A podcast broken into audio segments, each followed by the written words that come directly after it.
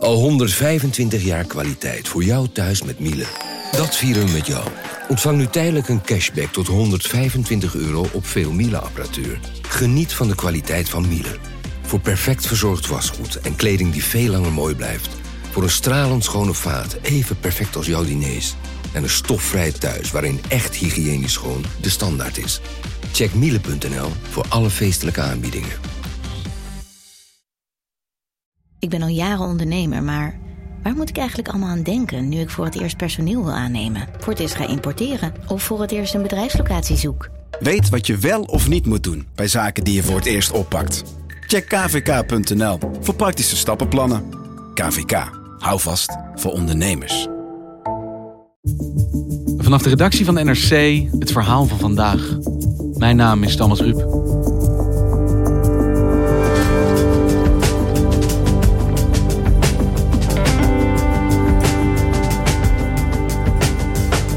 Na meer dan 20 jaar staat er vandaag een verdachte voor de rechter voor de moord op Nicky Verstappen. Binnenlandverslaggever Kim Bos volgt de zaak al jaren.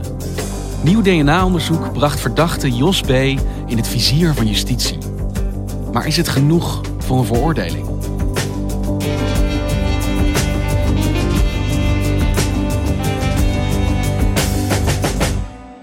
In de Haagse wijk Ipenburg staat het kantoor van het Nederlands Forensisch Instituut.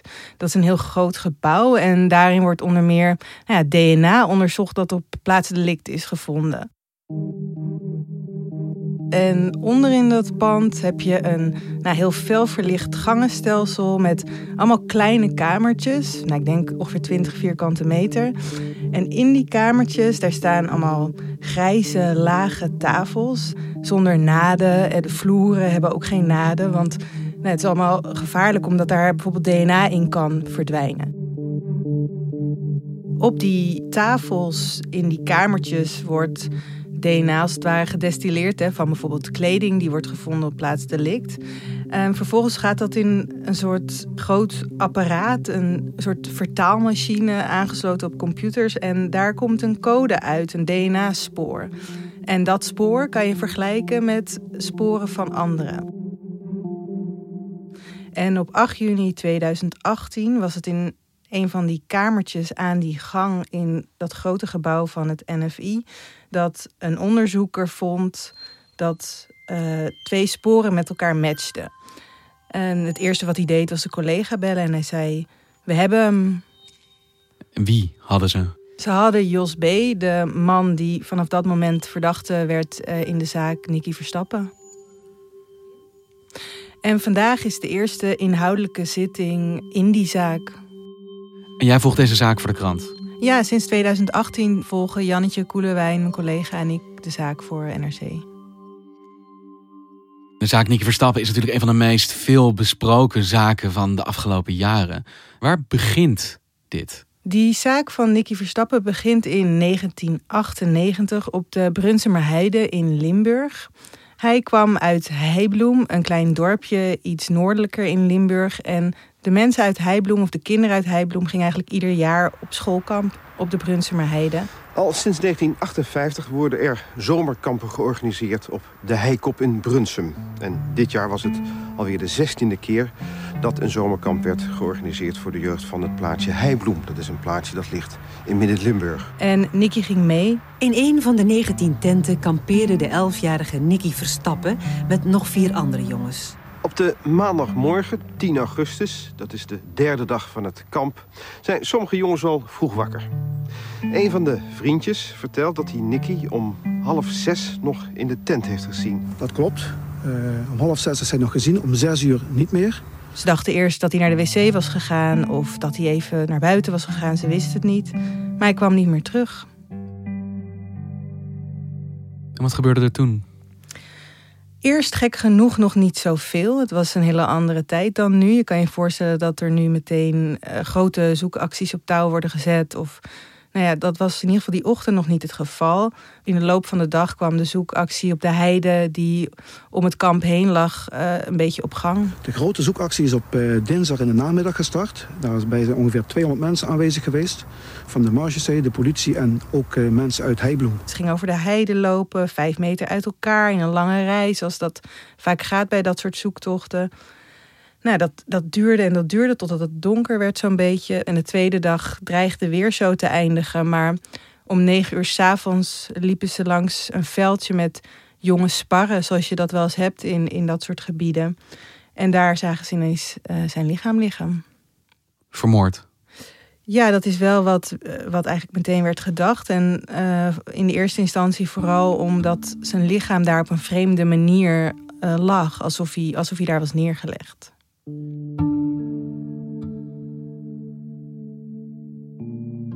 En wat gebeurde er na de vondst van zijn lichaam? Aanvankelijk richtte de politie zich vooral op uh, de mensen van het jeugdwerk die het kamp organiseerden. Dat kun je je ook voorstellen, dat zijn de mensen die de verantwoordelijkheid hadden. En ze vroegen zich af van, is er onder hen iemand die Nicky heeft omgebracht of, of niet goed in de gaten heeft gehouden? Kampleiders die hadden tot uh, laat in de avond ook met elkaar bier gedronken. Dat werd ook wel verdacht gevonden. Hebben ze dan onder invloed misschien iets gedaan? Hmm. Heel veel verhoren, heel veel vragen. Mm, jarenlang eigenlijk onderzoek naar die mensen. Zelfs in 2010 is nog de oprichter van het jeugdwerk, Joost Barten, opgegraven om opnieuw onderzoek te doen naar zijn DNA. Maar uiteindelijk was er vooral wat betreft DNA en ook, ook natuurlijk de rest van het verhaal geen, geen 100% match. Dus eigenlijk heeft de politie door de jaren heen wel verschillende verdachten op het oog, maar al die sporen die lopen dood. Ja, totdat er in 2018 ineens wel een DNA-match is. Dames en heren, van harte welkom in Limburg. In het onderzoek naar de tragische dood van Nicky Verstappen is sprake van een doorbraak. Na 20 jaar onderzoek is op 8 juni jongstleden het verlossende telefoontje gekomen van het NFI. Er is een één op één match tussen de verdachte sporen op de kleding van Nicky Verstappen en het DNA van een 55-jarige man. En hoe komt het dat dat 20 jaar later er opeens wel is? Dat heeft heel erg te maken met dat DNA-onderzoek dat steeds beter wordt. Dus aanvankelijk konden ze uit het DNA-materiaal dat wel was geconstateerd op Nicky's onderkleding, konden ze nog geen duidelijk spoor, nog geen duidelijke code eigenlijk uh, halen. Maar doordat de technieken steeds beter werden, kon dat wel. Zo rond 2012 al kunnen we in Nederland volgens de wet verwantschapsonderzoek doen. Dat betekent dat je via een familielid van een verdachte ook bij de verdachte terecht kan komen. Um, dus je hebt niet het DNA van de verdachte zelf nodig, maar van een ver familielid misschien zelfs kan je al het spoor naar diegene vinden. Ja, want tegelijk met die ontwikkeling van dat verwantschapsonderzoek dat wettelijk mogelijk uh, werd, konden ook weer andere sporen worden afgelezen. Die twee dingen gecombineerd zorgde ervoor dat het onderzoek weer verder kon. Wel pas jaren later, want dat ging niet van de ene op de andere dag. In Landgraaf en omgeving is een groot DNA-verwantschapsonderzoek begonnen. De politie hoopt zo, na 20 jaar, de dader te vinden... die schuldig is aan de dood van Nicky Verstappen. De Nederlandse politie gaat het grootste DNA-verwantschapsonderzoek ooit uitvoeren. Zal de zaak Nicky Verstappen dan eindelijk worden opgelost? Goed, mag ik de mond open doen? Dan ga ik deze onder de tong leggen, 5 seconden. Uiteindelijk in 2018 werden er in Limburg ongeveer 22.000 mannen opgeroepen om hun DNA-materiaal te komen afstaan. Hoe meer mensen deelnemen aan dit DNA-onderzoek, hoe groter de kans op een match aanwezig is. Meedoen met het onderzoek is vrijwillig, maar kom je niet opdagen als je bent opgeroepen, dan moet je een hele goede reden hebben, want je komt dan wel in de spotlights te staan bij de politie. Dankjewel. In diezelfde tijd blijkt ook dat een van die mannen die is opgeroepen vermist is al een aantal maanden. En wie is dat? Jos B. Wat er toen is gebeurd, omdat hij was verdwenen, kon de politie in zijn huis uh, eh, DNA van zijn spullen halen. Dat mag natuurlijk niet zomaar, maar in dit geval mocht dat wel, omdat hij verdacht was en verdwenen. En wat leverde dat op? Ja, dat leverde die DNA-match op. Rond diezelfde tijd gebeurde er nog iets, namelijk dat er een link werd gelegd met eerder onderzoek of eerdere documentatie uit het onderzoek. Um, Jos B. is in 1998 ook gezien rondom de plaats delict toen de politie daar al onderzoek deed. En de vraag was eigenlijk die avond al, wat doet u hier? En de verklaring van Jos B. was, ik ben nu, het was één uur s'nachts, post aan het rondbrengen. Het was overdag te warm, zei hij. Dat, dat kan, want het was geloof ik 35 eh, graden ongeveer in die tijd. Uh, maar het is wel natuurlijk een opmerkelijk tijdstip om uh, post te bezorgen. Dus zijn naam was al voorbijgekomen in die zaak. En nu in combinatie met het feit dat hij niet kwam opdagen, vermist was, leverde een verdenking op. Ja. We weten wie hij is, maar we weten niet waar hij momenteel verblijft. Het is ons, na twee maanden intensief onderzoek, niet gelukt om hem te vinden. Daarom doen wij een beroep op het publiek. Toen is die klopjacht eigenlijk begonnen. Hè? Toen is wereldwijd zijn naam en foto verspreid. En vrij snel is die toen gevonden. Nog geen week nadat de politie de naam en foto van Jos B. openbaar maakte... hebben ze hem dus al te pakken. Jos B. werd gisteren opgepakt in een natuurgebied... 50 kilometer van Barcelona. Hij was in Spanje in een soort commune uh, hij had een hele tijd had hij gewandeld in de wilde natuur. Hè, en toen was hij daar neergestreken. Hij moest waarschijnlijk ook een keer tot rust komen. En op het moment dat hij werd opgepakt, was hij hout aan het hakken in het bos. En werd hij tegen de grond gewerkt door de Spaanse politie. Wij kunnen zeggen dat we gisteren uh, onze verdachte hebben aangehouden in Noord-Spanje. En dat we daar heel erg opgelucht over zijn. Hey, en Kim, uh, Jos B. staat dus vanaf vandaag terecht. Hoe gaat het eruit zien de komende dagen? Wat wordt dit voor een zaak? Jos B. staat terecht voor het uh, vermoorden en misbruiken van Nicky Verstappen. Vandaag en morgen wordt de zaak inhoudelijk behandeld, zoals dat heet. Dan zullen we eigenlijk de gebeurtenissen volgens het OM eh, rondom de moord en het misbruik van Nicky Verstappen gaan horen. Um... Maar als ik het nou zo op een rijtje zet. Er is DNA gevonden op het slachtoffer. DNA dat overeenkomt met dat van Jos B. Jos B. was vermist op de vlucht. Hij heeft een zedendelicte verleden. Hij is gezien op de avond dat Nicky Verstappen verdween. Wat is de kans dat hij niet wordt veroordeeld hier? Dat lijkt me een gigantische stapel bewijs. Ja, het klinkt als een gigantische stapel bewijs als je het zo zegt. Maar er zijn ook gewoon wel wat dingen die nog heel erg onduidelijk blijven. Um, Zoals wat dan? Nou ja, we hebben het over moord en misbruik. Maar gek genoeg is er vaak uit onderzoek in de loop der jaren uh, ook wel gebleken dat dat ook niet onomstotelijk vast te stellen is dat, dat hij is vermoord. Er is ehm, twijfel over nog steeds. Ja, er zijn geen sporen van geweld gevonden op zijn lichaam. Um, er wordt gedacht ook aan verstikking of wurging. En de reden dat die sporen niet zijn gevonden is ook omdat het toen erg warm was en dat er pas vrij laat met het onderzoek uh, naar zijn lichaam werd begonnen. Nou ja, dus, dus daar zijn wel twijfels over. En wat zijn verder dan nog obstakels? Nou ja, het, het misbruik, dat is ook in de loop der jaren door verschillende onderzoekers eigenlijk verschillend geïnterpreteerd. Ja, dat, dat is ook iets wat twijfel veroorzaakt en wat ook door de advocaat uh, gebruikt wordt. En het DNA dan? Dat spoor wijst volgens het OM wel op direct contact. Maar tegelijkertijd is er eigenlijk heel weinig bekend over hoe DNA zich verspreidt. DNA kan ergens worden aangetroffen en dat is dan heel verdacht. Maar het zou er ook op een andere manier uh, gekomen kunnen zijn. Dat de DNA daar zit vertelt niet het hele verhaal van wat daar gebeurd is. Precies, het zegt dat daar DNA terecht is gekomen. Een, een theorie die door de advocaat werd gebruikt. Ehm, is dat Jos B. naar een wc zou zijn geweest op dat kamp. Waar in die tijd nog altijd van die vieze doekjes hingen. Waar je dan uh, allemaal uh, handdoekjes, waar je allemaal je handen aan afveegde. Dat Nicky daarna naar de wc is geweest en het op die manier op zijn kleding is gekomen.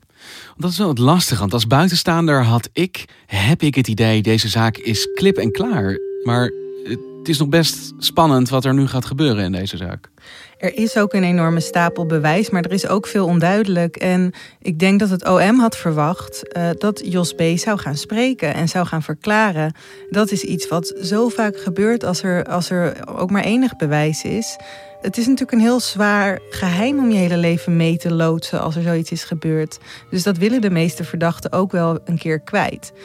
Maar dat heeft Jos B. tot nu toe nog niet gedaan. Volgens zijn advocaat heeft hij een verklaring afgelegd aan hem, die de advocaat in een kluis heeft gestopt, die er mogelijk uit zal komen.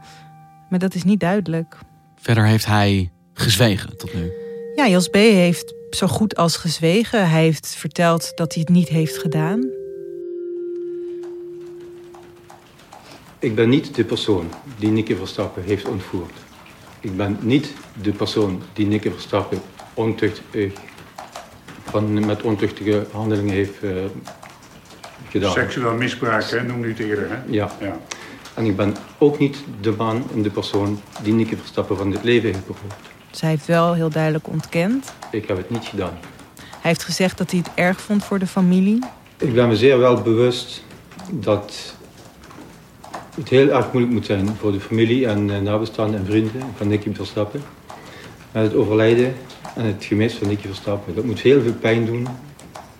En dat moet heel veel verdriet geven. Hij heeft ook gezegd dat hij het erg vond voor zichzelf. Omdat hij werd verdacht van iets wat hij niet had gedaan. Wat ik ook moeilijk vind, is om aan te horen van de feiten waarvan ik verdacht word. Het is ook moeilijk voor mij om ja, te zien in welke situatie ik daardoor in terechtgekomen ben. En dat ik op dit moment in detentie zit. Kunt u en wilt u vandaag ook duidelijkheid geven over de vraag die natuurlijk met name de ouders en de zus van Nicky al meer dan twintig jaar bezighoudt. En die vraag is, wat is er eigenlijk gebeurd in de uren voorafgaand in augustus 1998 dat Nicky gevonden is? In uh, overleg met mijn advocaat hebben we daarin afgesproken dat ik uh, daarin vooralsnog geen uh, opmerkingen of verklaringen ga afgeven. En als iemand niet praat, ja, dan zal er altijd een geheim blijven.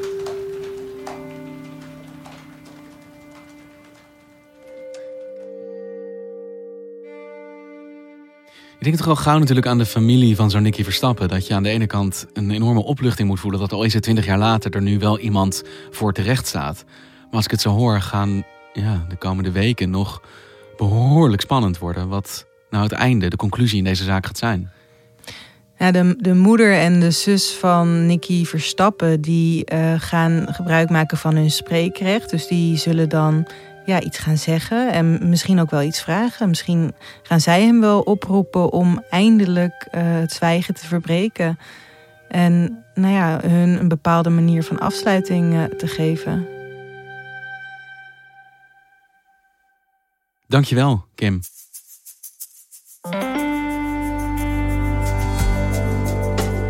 Je luisterde naar vandaag, een podcast van NRC. Eén verhaal, elke dag. Dit was vandaag. Morgen weer.